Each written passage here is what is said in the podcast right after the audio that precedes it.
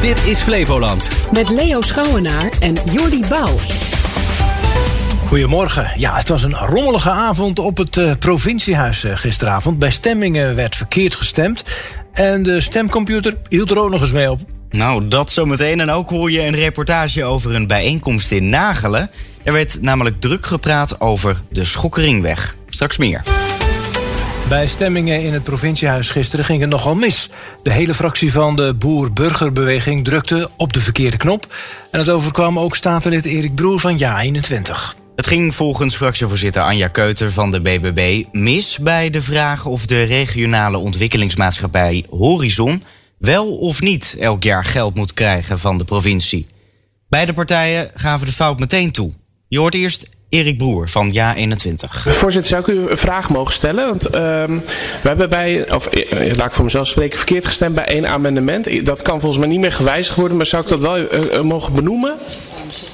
Wat zou u willen benoemen? Dat ik bij amendement O per ongeluk tegen heb gestemd waar dat voor had moeten zijn.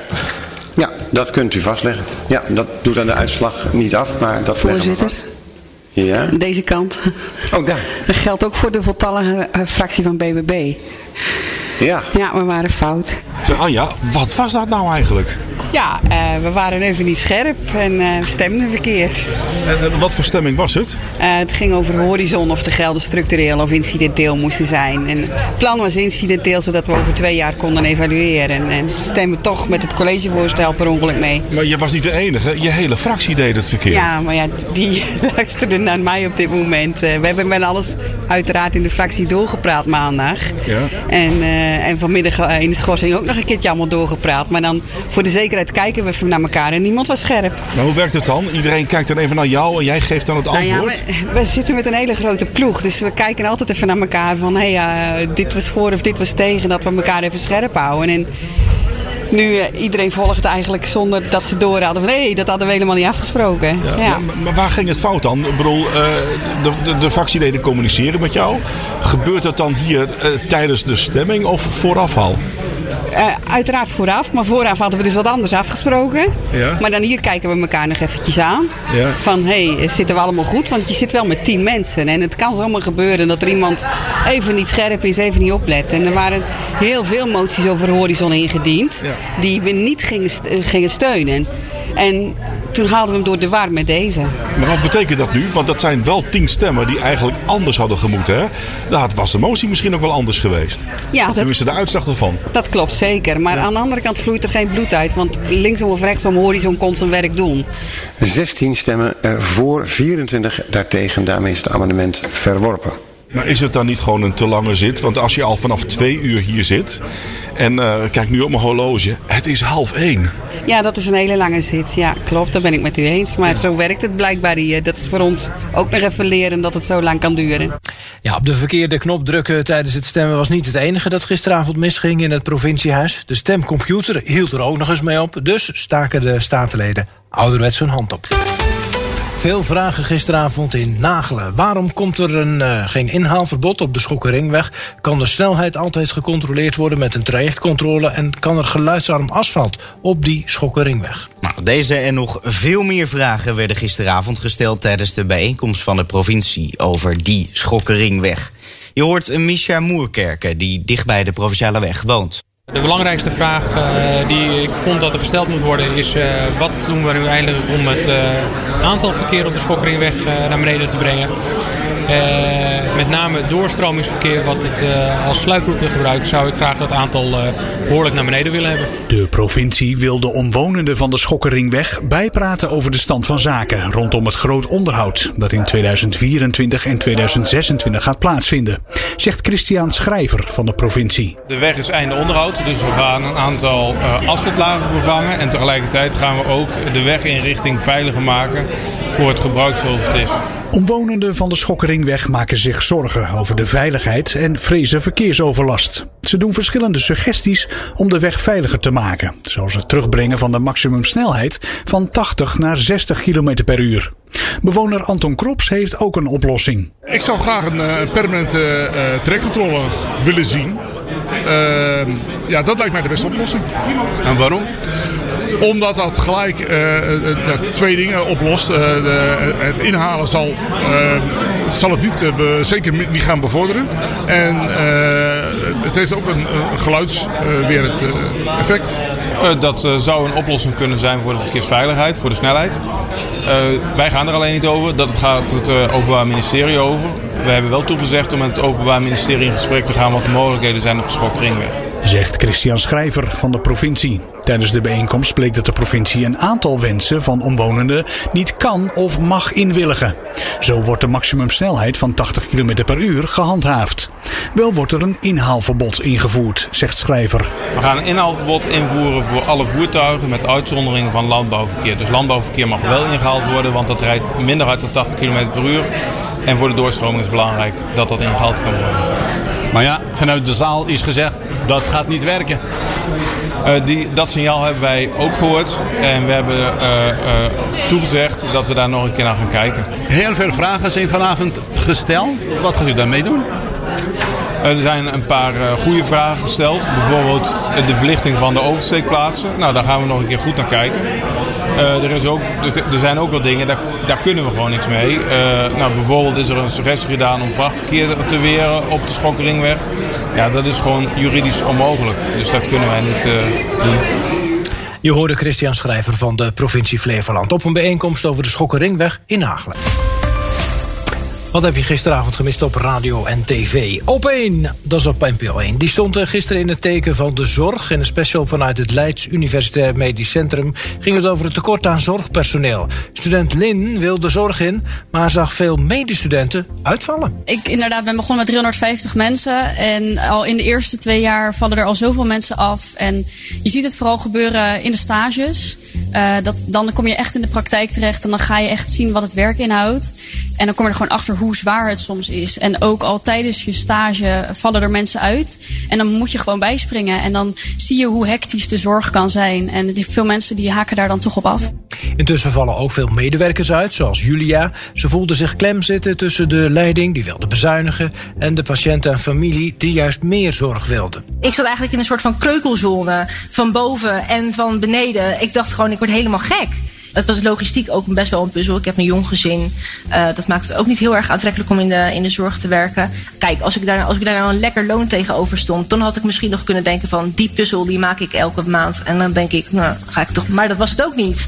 Ik moest gewoon keihard werken. Alleen al om te kunnen werken. Met de opvang en school. Die pas om half negen begint. En ik, mijn dienst begint om zeven uur. Ik dacht echt van, nou, waarom doen, waarom doen Wat mensen doe ik? dit? Gaan we naar RTL 4. Want hoe krijg je jongeren naar de stembus? Dat is de vraag waar het theatercollectief De Kiesmannen zich over buigt. In Bo vertelden ze wat er gebeurt met de bezoekers van hun voorstelling. Ze lopen naar binnen met het idee van ik heb geen idee. Volgende week zijn het verkiezingen. Wat moet ik gaan stemmen? En als het goed is lopen ze naar buiten met het idee van nou, ik heb een goed beeld. Waar gaan deze verkiezingen over? Welke thema's vind ik belangrijk? En misschien dat ze nog tussen één of twee partijen twijfelen, maar dan kunnen ze thuis dan nog even checken. De kiesmannen zijn niet alleen te zien in het theater, ze gaan ook langs bij scholen om jongeren te bereiken. Ze werken daarbij met stellingen. Nou, eigenlijk wat je bij een stemwijzer hebt, als je een stemwijzer invult, krijg je 30 stellingen en daar heb je ongeveer 10 minuten voor. En dan klik je ja en nee. En dan denk je van ja, wat heb, waar heb ik eigenlijk net op geklikt? Ja, en precies dat Ja. proberen wij in die show te doen. Dus wel iets meer context Juist, dan, juist. Die, dan die 30 stellingen. En we leggen daar goed bij uit van waar staan de verschillende partijen. Eh, wat hebben ze ook in de afgelopen vier jaar wel en niet gestemd op verschillende moties. Ja, de jongeren die wij spreken, eh, wonen is een groot thema natuurlijk. Eh, klimaat speelt ook wel, maar ook bestaanszekerheid en dan bijvoorbeeld het minimumloon. Dat zijn voorbeelden van thema's. Ajax? Ja? Oh ja, oh? Ajax. Nou, Nou, ja, gaat niet zo heel goed natuurlijk. Maar de oudste inwoonster van Amsterdam maakt dat bar weinig uit. Tante S is en blijft fan van Ajax. Zij is op de radio gisteravond bij Langs de Lijn en Omstreken. Eh ze houdt de moed erin. Ik zou ik, ik, eerlijk gezegd gewoon treurig. Maar dan zeg ik, doe je best. Trainen, trainen en dan kom je weer bovenop. Kijk, en ze heeft ook nog een paar tips voor de spelers. Kameraadschap, samen, één band. Sterk zijn. We spelen in deze club en we zijn één. Je moet voor vechten. Zie wat goed is. En streef ernaar. En dan moet je ook openstaan voor kritiek. Misschien is dat een goede les. zei Tante S op Radio 1 gisteravond. Met een vette muziek eronder. Oude mensen kunnen muziek onder gesproken woord moeilijk van gesproken woord. En ze kan zichzelf dus moeilijk terug horen, denk ik. Ja, maar dat dit denk ik. even geheel terzijde. Maar de koppie is nog wel bij, 108 jaar. Ja, dat, dat, woorden. heel goed. En dat was gisteren dus op Radio en TV.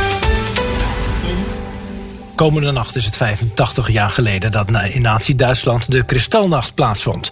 Duizenden woningen en winkels van Joden werden toen vernield of in brand gestoken en tientallen Joden werden vermoord. Rabijn Mosje Stiefel van de Gabat Almere gaf hierover vorig jaar les aan jonge kinderen. De herdenking is dit jaar extra beladen door de oorlog tussen Hamas en Israël. De rabbijn ziet toenemende angst bij zijn geloofsgenoten in de synagoge. Maar hoe bang is hij zelf? Ik persoonlijk, ehm, ik ben niet bang. Ehm, maar ik ben wel alert.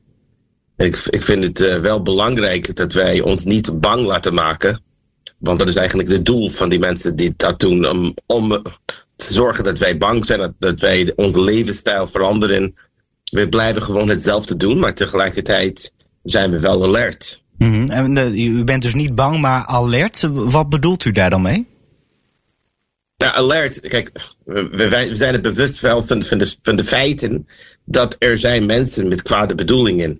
En er zijn mensen die, ehm, ehm, die hebben een, een ideologie die, ehm, die eh, hun leert dat als je an- andere mensen eh, vermoordt, andere mensen vervolgt, dat je als het ware een soort eh, punten krijgt.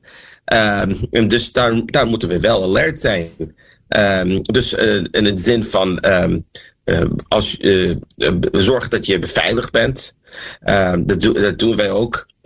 We zijn in de laatste tijd in, in, in contact, regelmatig contact met de politie, met de lokale politie, met de hoofd van de politie. regelmatig contact met de burgemeester hierover. En om te zorgen dat, om de, de juiste maatregelen te nemen, dat wij veilig zijn. Ja, en wat adviseren politie en burgemeester u dan? Ehm, ja, nou, z- ik ga niet eh, in de details van, van, van, de, van de advies. Ehm lijkt me niet verstandig om dat openbaar te maken. Maar ehm, eh, eh, we- zij, eh, zij geven ons advies. Wij, wij zijn in contact met hun. We zijn in contact met, met de eh, Stichting Blue, eh, Stichting bij Leven en Welzijn. De algemene ehm, nationale eh, coördinatie voor Joodse beveiliging in Nederland. Ehm, en om te zorgen dat wij op alle fronten ehm, goed eh, beveiligd zijn. Ehm, dus dat doen wij. Mhm. U heeft veel contact met de leden van eh Gabat Flevoland. Ziet u nu ook dat eh, de Joodse mensen bijvoorbeeld hun, hun keppeltjes maar in de kast laten hangen? Nou, ik word, bij, van mij wordt het aangemoedigd om dat als het ware twee keppels te dragen op dit moment. Om zoveel mogelijk onze Jood zijn uit te laten dragen. Ehm, want eh, zoals ik zei eerder, ehm, zij willen ons bang maken. Ze willen ons, eh, onze levensstijl proberen te veranderen. En natuurlijk zijn we bewust dat er mensen zijn met kwade bedoelingen, et cetera. Maar wij ehm, gaan gewoon onze gang. Dus eh, nee, ik, als mensen me vragen, zal ik een een keppel dragen? Moet ik mijn mezuzah, dat is de, de, de, dus de, de par- stukje parkement, eh, de, de rol, eh, parkementrol die op de Joodse deur, deuren van Joodse huizen ehm, bevestigd zijn, of, of we die moeten weghalen? Nee, zeg ik tegen, de mensen, nee, die moeten juist laten staan. Ehm, als er mensen zijn die durven niet met een keppel te, te, te, te, eh, een keppel te dragen, ehm, et cetera, dan heb ik daar wel begrip voor. En mensen zeggen tegen mij, en ik, ik, ik begrijp hen ook. Maar ehm, ik probeer mensen wel aanmoed, te, eh, te aanmoedigen om gewoon hun eigen gang te gaan. Ja. Eh, over eigen gang gaan gesproken, eh, dingen door laten gaan. Hanukkah zit er ook weer zo aan te komen, het feest van, de, van de verlichting. Gaat dat door? Ja. Ja, zeker. En niet alleen gaat het door, maar dit jaar ik, vind ik dat, het eh, veel belangrijker, eh, nog meer belangrijk is dan andere jaren. We zijn eh, trouwens, wat betreft de datum, zijn we in overleg met de burgemeester welke datum het wordt precies. Dus daar kan ik helaas op het moment, over een paar dagen zal dat wel duidelijk zijn. Ehm, maar ehm, de hele bedoeling van Hanukkah is juist licht in de duisternis te brengen. Ja, dat was Rabbi Moshe Stiefel van Gabat Almere. En ik zie hier op het uh, ANP het laatste nieuws... is dat de uh, herdenking van de Kristalnacht in Amsterdam gewoon doorgaat. Krijg je nu de berichten van buiten Flevoland. Nederland kan nog veilig blijven als het water in de Noordzee 3 meter zou stijgen. Maar sommige dijken moeten dan wel 2 tot 3 meter hoger worden. Dat is een uitdaging, zegt deze waterexpert van de Rijkswaterstaat. Dat ze hoger worden, moeten ze ook breder worden. Uh, want anders blijven ze niet stabiel. En breder betekent dat je ruimte nodig hebt. En die ruimte in Nederland is over het algemeen heel schaars. Er wonen mensen op de dijken, er wonen mensen achter de dijken. Dus goed kunnen inpassen van al die dijkversterkingen, dat is met name de belangrijkste opgave. Nou, het is dus een uitdaging, maar het is volgens Rijkswaterstaat wel te doen. Vooral omdat er nog tijd is. Het duurt namelijk nog zeker 100 jaar voordat de zeespiegel 3 meter stijgt. Oké. Dat ligt alweer op het bordje van het nieuwe kabinet. Extra uitgaven voor dijkverhoging en dijkverbreding. Ja, en dat is nooit leuk. Dus dan gaan ze het waarschijnlijk weer doorschuiven naar een volgend nee, nee, kabinet nee, als het uh, mogelijk is. Dat gaan we niet doen. We willen droge voeten, joh. Dat is waar, ja. Betalen voor het gebruik van de auto, oftewel uh, rekening rijden. Volgens het huidige demissionaire kabinet zou moeten worden ingevoerd. Maar met de naderende verkiezingen ligt de kwestie weer helemaal open. Heel veel kiezers kunnen eigenlijk niet zonder de auto. En veel partijen spreken zich daarom uit tegen rekening rijden. De ANWB wil vooral dat het goed wordt geregeld als rekeningrijden wordt ingevoerd. Als mensen afhankelijk zijn van de auto, dan moet het ook voor hen betaalbaar blijven. Het moet eerlijk zijn en het moet transparant blijven. Ja, dus als iemand met een nachtdienst nog naar huis moet, dan moet dat wel kunnen. Absoluut. Ja, we hebben wat dat betreft de economie moet blijven draaien. Ja, de overheid eh, krijgt 7 miljard euro aan benzineaccijns binnen. Dat bedrag zal dalen als er meer elektrische auto's komen. Wie de verkiezingen straks ook wint, er moet een oplossing worden bedacht. Nou, dat is kwestie nummer twee voor het nieuwe kabinet. Ze zijn er met druk mee. Telt er lekker op vanochtend. Er is een recordbedrag betaald voor een schilderij van Pablo Picasso. Daarop staat de minnares van de schilder. Die uh, ontmoette hij toen zij 17 was. Het werk ging vannacht onder de hamer in New York. Good evening, ladies and gentlemen, and a very warm welcome to Sotheby's here in New York. At 121 million dollars for the Mary Therese, the Femme Lamont from 1932. Here at Sotheby's at $121 million. I'm selling the picture. Fair warning. Last chance for $121 million. Brooke, it's yours. Thank you very much. Battle number 36. Thank you.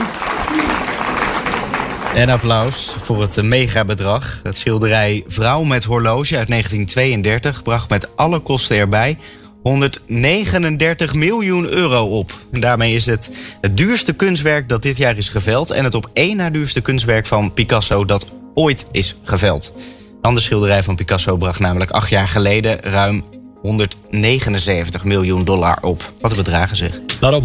Waarom? Duizend. Ja. PSV die heeft in de Champions League gewonnen van de Franse club Lens. In Eindhoven werd het 1-0. Het moest gewonnen worden om nog kans te blijven houden op de knock-outfase van de Champions League. En dat lukte tot grote tevredenheid van de trainer Peter Bos. Ik moet die jongens daarin wel een groot compliment geven. Dat dit voetbal zijn we natuurlijk niet echt gewend in Nederland. En, en het moest vandaag. En ja, ook de jongens die veel bekritiseerd zijn bij ons. En dan heb ik het met name over de verdedigers. Ja, die jongens hebben het vandaag, vind ik, heel erg goed gedaan.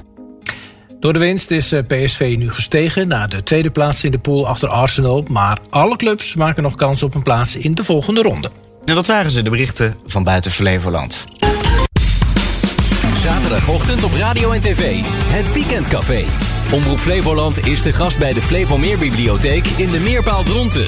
Met interessante, bijzondere, opmerkelijke drontenaren en een goede discussie over het plaatselijke nieuws. Kom op de koffie en praat mee over actuele zaken in jouw gemeente. Elke uitzending vanaf locatie bij jou in de buurt. Het Weekendcafé. Kijk, luister en praat mee.